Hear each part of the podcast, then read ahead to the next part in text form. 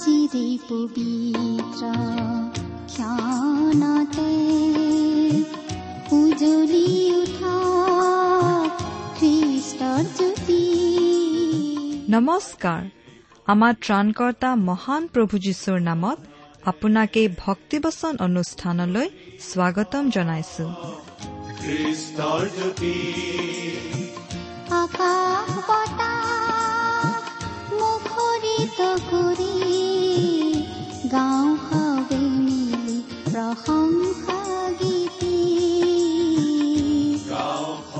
এয়া মুকলি কৰিছো ঈশ্বৰৰ জীৱিত বাক্যৰ ধাৰাবাহিক অনুষ্ঠান ভক্তি বচন।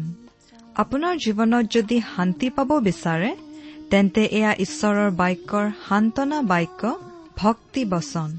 গতিকে আহক আজিৰ শিক্ষা শুনো।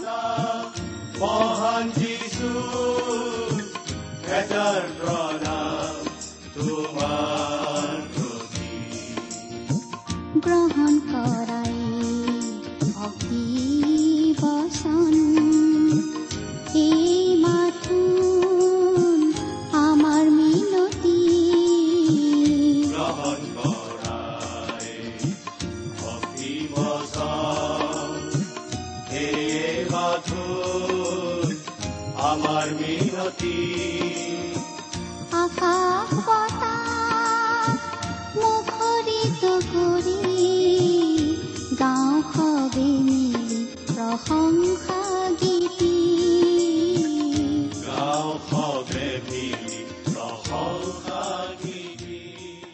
আমাৰ পৰম পবিত্ৰ প্ৰভু যীশুখ্ৰীষ্টৰ নামত নমস্কাৰ প্ৰিয় শ্ৰোতা। আপোনাৰ ভালনে বাৰু? আশা কৰোঁ পৰম পিতা পৰমেশ্বৰে আপোনাক ভালে কুশলে ৰাখিছে। এয়া আকৌ আপোনালোকৰ ওচৰলৈ আহিছোঁ ঈশ্বৰৰ মহান বাক্য বাইবেল শাস্ত্ৰ অধ্যয়নৰ বাবে। আপুনি বাৰু এই অনুষ্ঠান শুনি কেনে পাইছে? অনুগ্ৰহ কৰি আমালৈ চিঠি লিখি জনাবচোন। আমাৰ ঠিকনা? ভক্তিবচন টি ডব্লিউ আৰ ইণ্ডিয়া ডাক বাকচ নম্বৰ সাত শূন্য গুৱাহাটী সাত আঠ এক শূন্য শূন্য এক। ভক্তিবচন T W R India postbox number seventy Guwahati seven eight one zero' zero' one. আমাৰ website W W W dot radio' eight eight two dot com প্ৰিয় শ্ৰোতা আমি আজি কিছুদিন ধৰি বাইবেলৰ নতুন নিয়ম খণ্ডৰ জোহনৰ প্ৰথম পত্ৰ বা চমুকৈ প্ৰথম জোহন নামৰ পুস্তকখন অধ্যয়ন কৰি আছো। নহয়নে বাৰু? আপুনি নিয়মিতভাৱে আমাৰ এই অনুষ্ঠান শুনি আছেনে? যোৱা অনুষ্ঠানত আমি কি আলোচনা কৰিছিলোঁ আপোনাৰ মনত আছেনে বাৰু?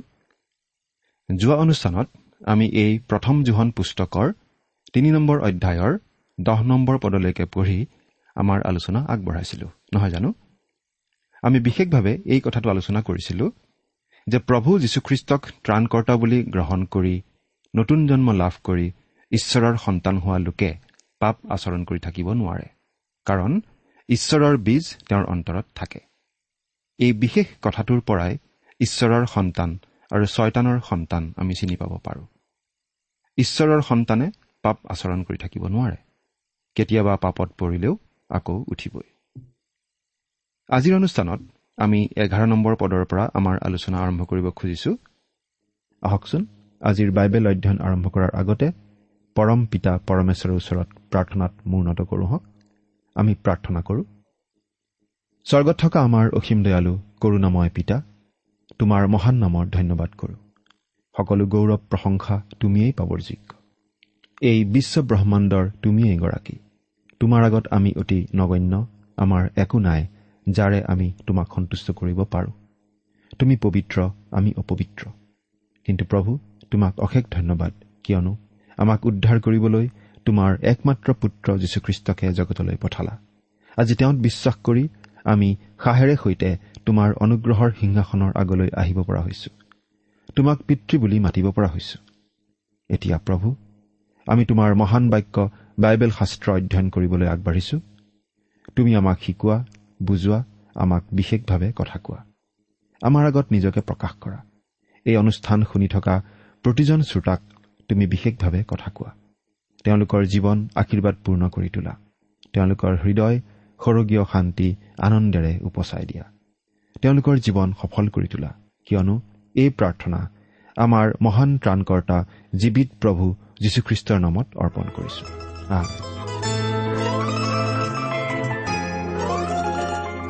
আহকচোন প্ৰিয় শ্ৰোতা এতিয়া আমি বাইবেল আলোচনাৰ বাবে আগবাঢ়ি যাওঁ হওক যোৱা অনুষ্ঠানত আমি এই প্ৰথম জোহন পুস্তকখনৰ তিনি নম্বৰ অধ্যায়ৰ দহ নম্বৰ পদলৈকে চালো।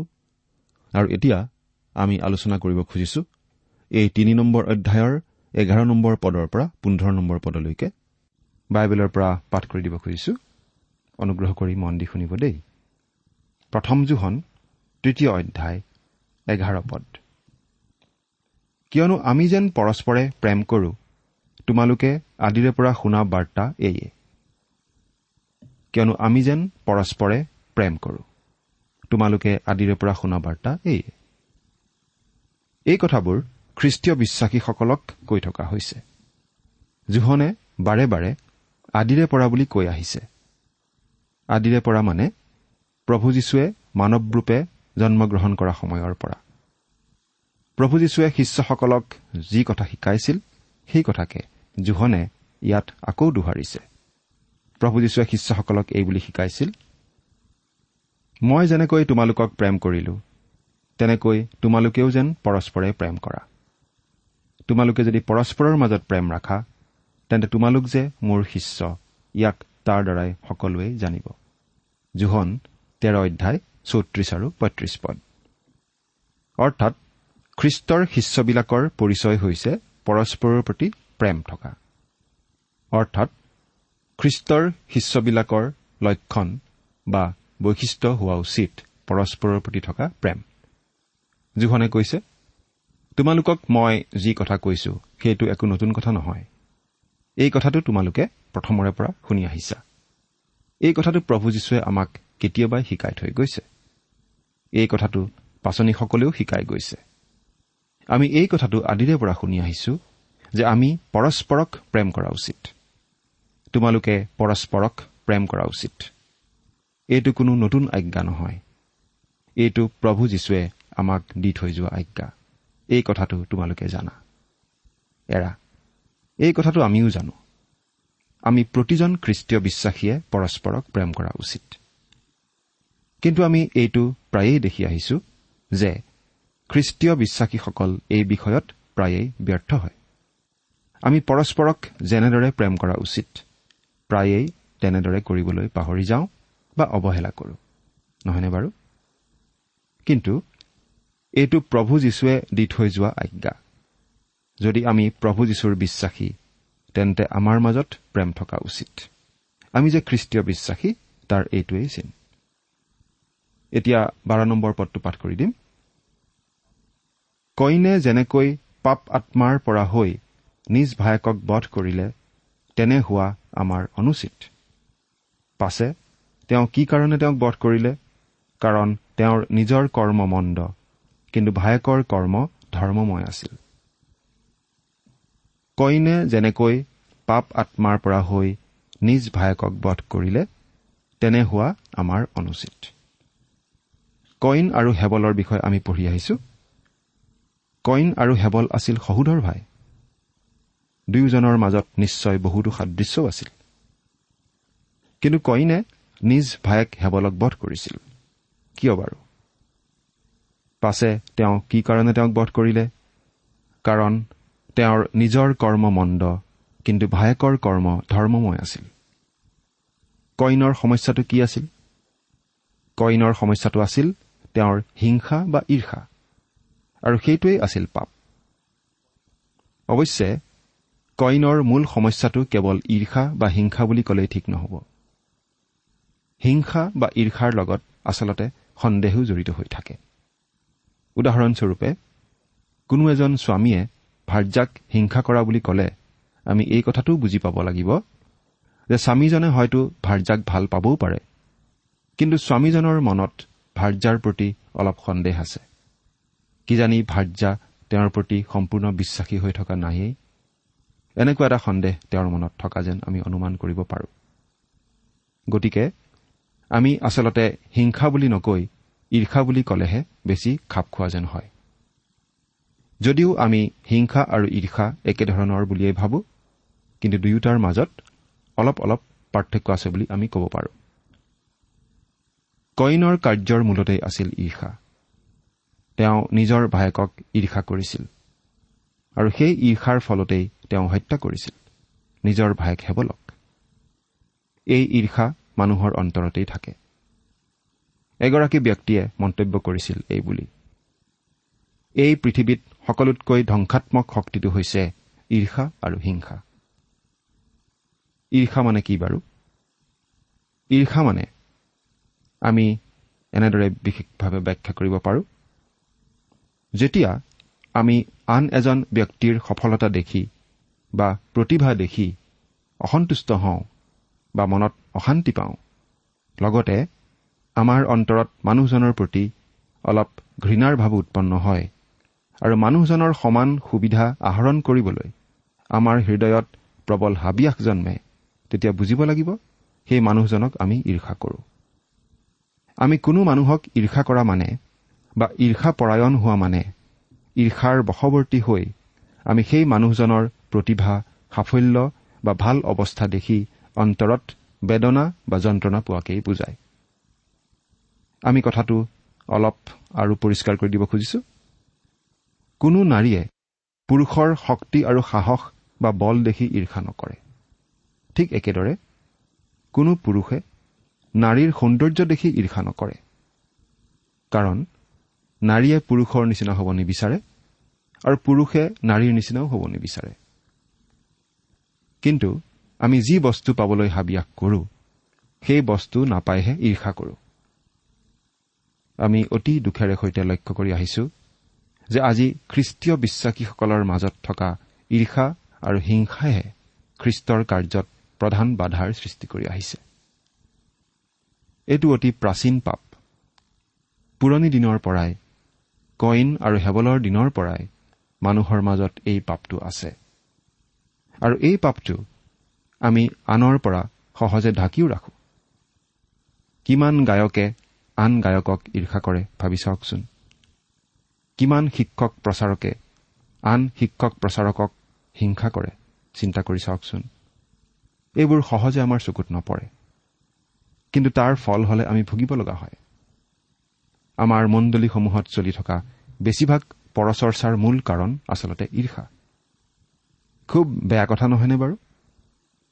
আৰু এই ঈৰ্ষাৰ বশৱৰ্তী হৈয়েই কইনে হেবলক বধ কৰিছিল।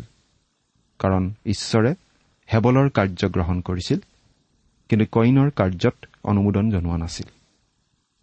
গতিকে ঈৰ্ষাৰ বশৱৰ্তী হৈ কইনে হেবলক বধ কৰিছিল। নিজৰ ভায়েকক বধ কৰিছিল।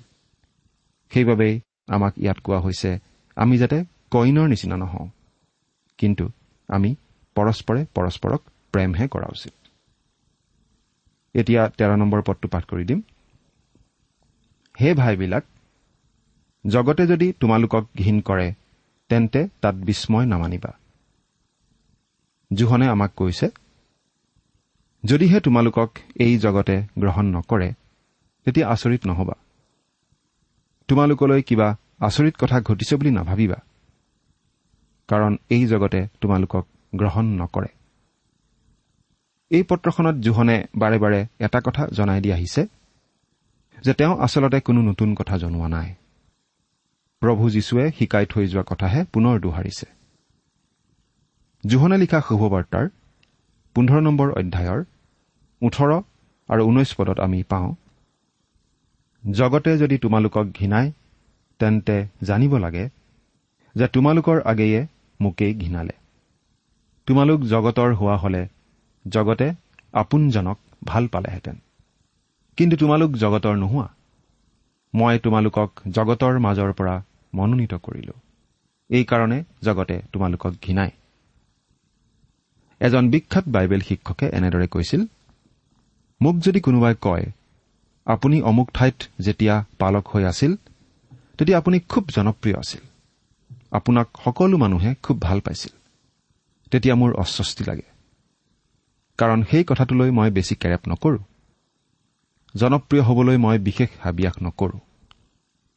কাৰণ কিছুমান লোকৰ মাজত মই জনপ্ৰিয় হ'ব নোখোজো বৰং কিছুমান মানুহৰ মাজত জনপ্ৰিয় হোৱাটো মই ভাল কথা নহয় যেনহে ভাবো।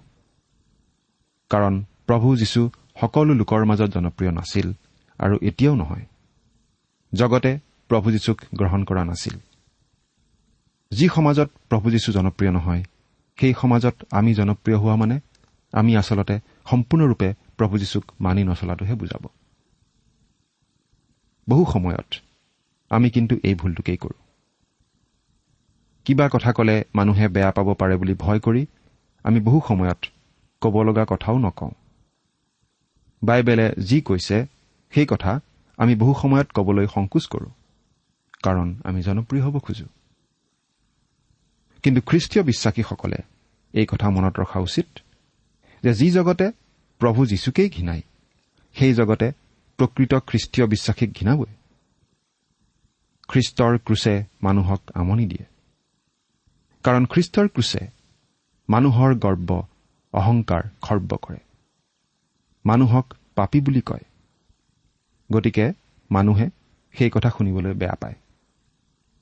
অৱশ্যে আমি এই কথা মনত ৰখা উচিত যে আমি বেয়া কাম কৰি বা বেয়া ব্যৱহাৰ কৰি আনৰ অপ্ৰিয় হ'ব নালাগে। কিন্তু প্ৰকৃত খ্ৰীষ্টীয় বিশ্বাসী হোৱা কাৰণে যদি জগতে আমাক ঘৃণায় তেতিয়া আমি বেজাৰ পাব নালাগে। কিন্তু সকলো বিষয়তে খ্ৰীষ্টক মানি চলিবলৈ যাওঁতে যদি জগতে আমাক বেয়া পায় আমি যদি সেইবাবে অপ্ৰিয় হওঁ তেন্তে আমি আনন্দ কৰা উচিত। খ্ৰীষ্টক যি কাৰণে জগতে গ্ৰহণ নকৰে সেই একে কাৰণতে আমাকো যদি জগতে গ্ৰহণ নকৰে তেতিয়াহে আমি জনা উচিত আমি খ্ৰীষ্টীয় বিশ্বাসত ঠিকে আছো বুলি।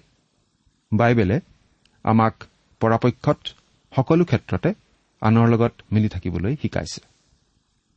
কিন্তু যিবোৰ ক্ষেত্ৰত আমি বাইবেলৰ শিক্ষাৰ বিপৰীতে যাব লগা হ'ব পাৰে সেইবোৰ ক্ষেত্ৰত আমি আনৰ লগত মিলিব নোৱাৰো। কাৰণ আমি বাইবেলৰ শিক্ষামতেই চলিব লাগিব। তেনেবোৰ ক্ষেত্ৰত আমাক আনে বেয়া পালেও আমাৰ উপায় নাই।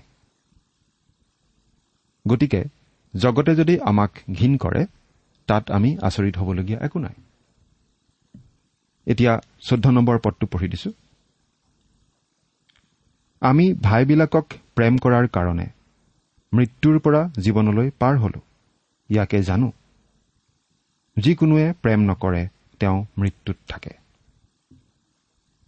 আমি ভাইবিলাকক প্ৰেম কৰাৰ কাৰণে মৃত্যুৰ পৰা জীৱনলৈ পাৰ হলো। ইয়াকে জানো। প্ৰিয় শ্ৰোতা আপুনি ঈশ্বৰৰ সন্তান হয় নে নহয় সেই কথা আপুনি নিজে জানিব পাৰে। আমি জানিব পাৰোঁ এই কথাত সন্দেহ নাই। কাৰণ ঈশ্বৰৰ বাক্যই আমাক এই কথাটো কৈছে। আমি কেনেকৈ জানিব পাৰোঁ? আমি ভাইবিলাকক প্ৰেম কৰাৰ কাৰণে। আপুনি বাৰু আন খ্ৰীষ্টীয় বিশ্বাসীসকলক প্ৰেম কৰেনে? আন খ্ৰীষ্টীয় বিশ্বাসীৰ প্ৰতি যদি আপোনাৰ অন্তৰত বিশেষ প্ৰেমৰ ভাৱ আছে তেন্তে আপুনি ঈশ্বৰৰ সন্তান। আমি ঈশ্বৰৰ বাক্যৰ পৰিচৰ্যাৰ খাতিৰত বহুতো ঠাইলৈ যাব লগা হয়। আৰু আমি এনেদৰে বহুতো খ্ৰীষ্টীয় বিশ্বাসীক মুখামুখিকৈ লগ পাওঁ। বহু ঠাইত আমি এনেকুৱা কিছুমান খ্ৰীষ্টীয় বিশ্বাসীক লগ পাওঁ যিসকলক আমি আগতে কেতিয়াও দেখা নাই বা আগতে কেতিয়াও তেওঁলোকৰ বিষয়ে শুনাও নাই। কিন্তু তথাপি আমি তেনেকুৱা খ্ৰীষ্টীয় বিশ্বাসীৰ লগতো সুন্দৰ সহভাগিতা লাভ কৰো। আগতে কেতিয়াও লগ নোপোৱা লোকজনকো অতি আপোন আপোন লাগে। এনেকুৱা অভিজ্ঞতা আপোনাৰ বাৰু হৈছেনে প্ৰিয় শ্ৰোতা? আমি আগতে লগ নোপোৱা খ্ৰীষ্টীয় বিশ্বাসীজনৰ লগতো ইমান মধুৰ সহভাগিতা কেনেকৈ লাভ কৰিব পাৰো বাৰু? কাৰণ তেওঁ প্ৰকৃত খ্ৰীষ্টীয় বিশ্বাসী। তেওঁ ঈশ্বৰৰ সন্তান। গতিকে বিশ্বাসত আমি ভাই ভাই। একে পৰিয়ালৰ লোক। আমি যদি প্ৰভু যীশুক গ্ৰহণ কৰি আম্মিকভাৱে নতুন জন্ম লাভ কৰিলো আমি ঈশ্বৰৰ সন্তান হলো। যদি আমি ঈশ্বৰৰ সন্তান হলো তেন্তে আমি ঈশ্বৰৰ আন আন সন্তানসকলক নিশ্চয় প্ৰেম কৰিম। এই পৃথিৱীত অনেক খ্ৰীষ্টীয় বিশ্বাসী আছে যিসকলক আমি কেতিয়াও লগ পোৱা নাই। হয়তো এই জীৱনত লগ নাপামো। কিন্তু যদিহে আমি তেনেকুৱা বিশ্বাসী এজনক লগ পাওঁ তেওঁ যি দেশৰ যি ভাষাৰ লোকেই নহওক কিয় আমাৰ আপোন আপোন যেন লাগিবই। আমি সহভাগিতা উপভোগ কৰিব পাৰিমেই কাৰণ আমি একে পৰিয়ালৰ লোক ঈশ্বৰৰ পৰিয়ালৰ লোক। আমি ভাইবিলাকক প্ৰেম কৰাৰ কাৰণে আমি যে মৃত্যুৰ পৰা জীৱনলৈ পাৰ হলো সেই কথা জানো। প্ৰতিজন খ্ৰীষ্টীয় বিশ্বাসীয়ে মৃত্যুৰ পৰা জীৱনলৈ পাৰ হ'ল। সেই কথাত সন্দেহ থকা উচিত নহয়। কাৰণ এই কথাটো প্ৰভু যীশুৱে ন দি কৈ গৈছে এনেদৰে। মই তোমালোকক অতি স্বৰূপকৈ কওঁ যিজনে মোৰ কথা শুনি মোক পঠোৱাজনাত বিশ্বাস কৰে সেইজনৰ অনন্ত জীৱন আছে। আৰু তেওঁ সুধ বিচাৰলৈ আহিব নালাগে কিন্তু মৃত্যুৰ পৰা জীৱনলৈ পাৰ হ'ল। জোহন পাঁচ অধ্যায় চৌব্বিছ পদ। গতিকে আমি যদি ভাইবিলাকক প্ৰেম কৰোঁ তেন্তে আমি প্ৰকৃত খ্ৰীষ্টীয় বিশ্বাসী। গতিকে আমি জীৱন পোৱা লোক মৃত্যুৰ পৰা জীৱনলৈ পাৰ হোৱা লোক অনন্ত জীৱনৰ ভাগি হোৱা লোক। গতিকে ইয়াৰ বিপৰীত কথাটোও আমি জানো। সেইটোনো কি? যিকোনোৱে প্ৰেম নকৰে তেওঁ মৃত্যুত থাকে।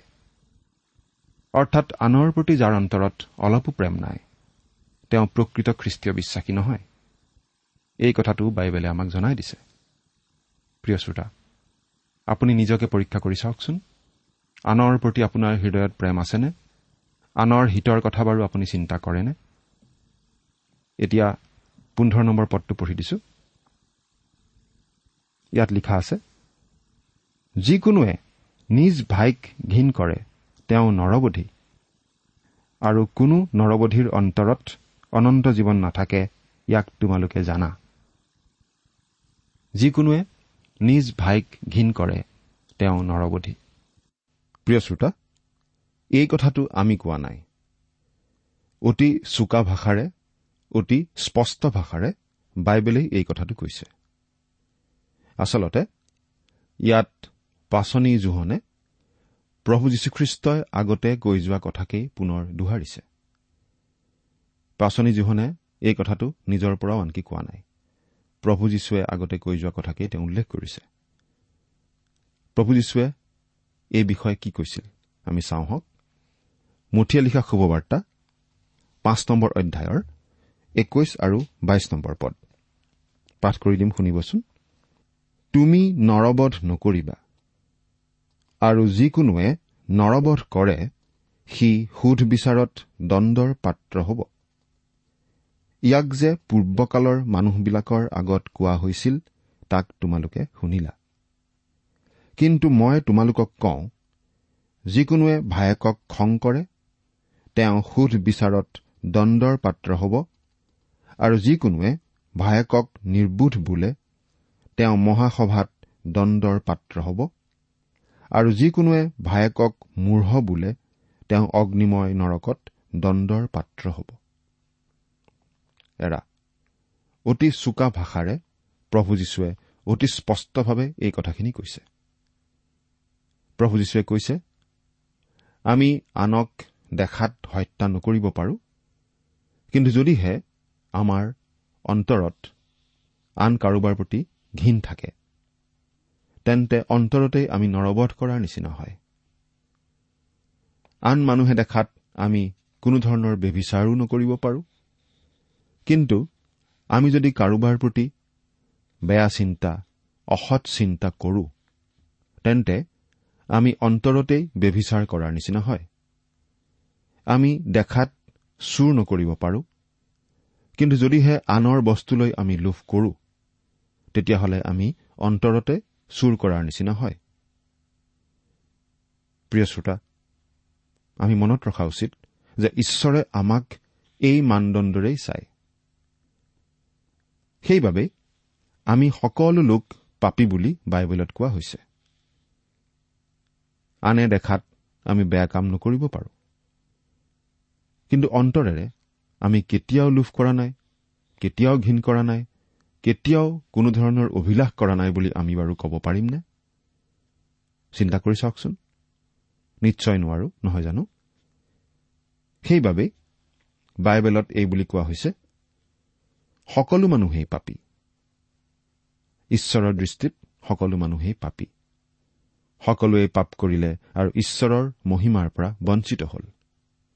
গতিকে আমি সকলো মানুহেই ঈশ্বৰৰ পৰা শাস্তি পোৱাৰহে যোগ্য। সেই শাস্তি কি? বাইবেলত কৈছে পাপৰ বেচ মৃত্যু। পাপৰ শাস্তি মৃত্যু। কিন্তু অতি আনন্দৰ কথা এইয়ে যে প্ৰভু যীশু সকলো মানৱৰ হৈ সেই শাস্তি নিজৰ গাত ল'বলৈ এই পৃথিৱীলৈ আহিল আৰু সেই শাস্তি তেওঁ নিজৰ গাত ল'লে ক্ৰুচৰ ওপৰত। আমাৰ সকলোৰে সেই শাস্তি যি মৃত্যু সেই মৃত্যু আমাৰ হৈ ক্ৰুচৰ ওপৰত তেওঁ বৰণ কৰিলে। গতিকে তেওঁক গ্ৰহণ কৰি আমি পাপৰ শাস্তিৰ পৰা ৰেহাই পাওঁ আৰু অনন্ত জীৱনৰ অধিকাৰী হ'ব পাৰোঁ।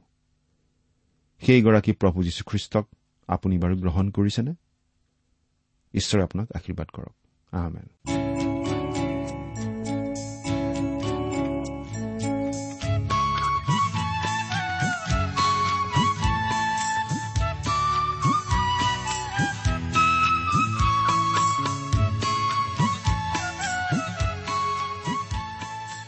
ইমান পৰে আপুনি ভক্তিবচন অনুষ্ঠানটি শুনিলে। এই বিষয়ে আপোনাৰ মতামত জানিবলৈ পালে আমি নথৈ আনন্দিত হ'ম। আমি প্ৰস্তুত কৰা বাইবেল অধ্যয়নৰ আন চিডিসমূহ পাব বিচাৰিলেও আমালৈ লিখক। অনুষ্ঠানটি শুনি কেনে পালে আমালৈ চিঠি লিখি জনাবচোন? অনুষ্ঠানত প্ৰচাৰ কৰা কোনো কথা বুজিব লগা থাকিলেও আমালৈ লিখক। আমাৰ ঠিকনা? ভক্তিবচন ট্ৰান্স ৱৰ্ল্ড ৰেডিঅ' ইণ্ডিয়া ডাক বাকচ নম্বৰ সাত শূন্য গুৱাহাটী সাত আঠ এক শূন্য শূন্য এক।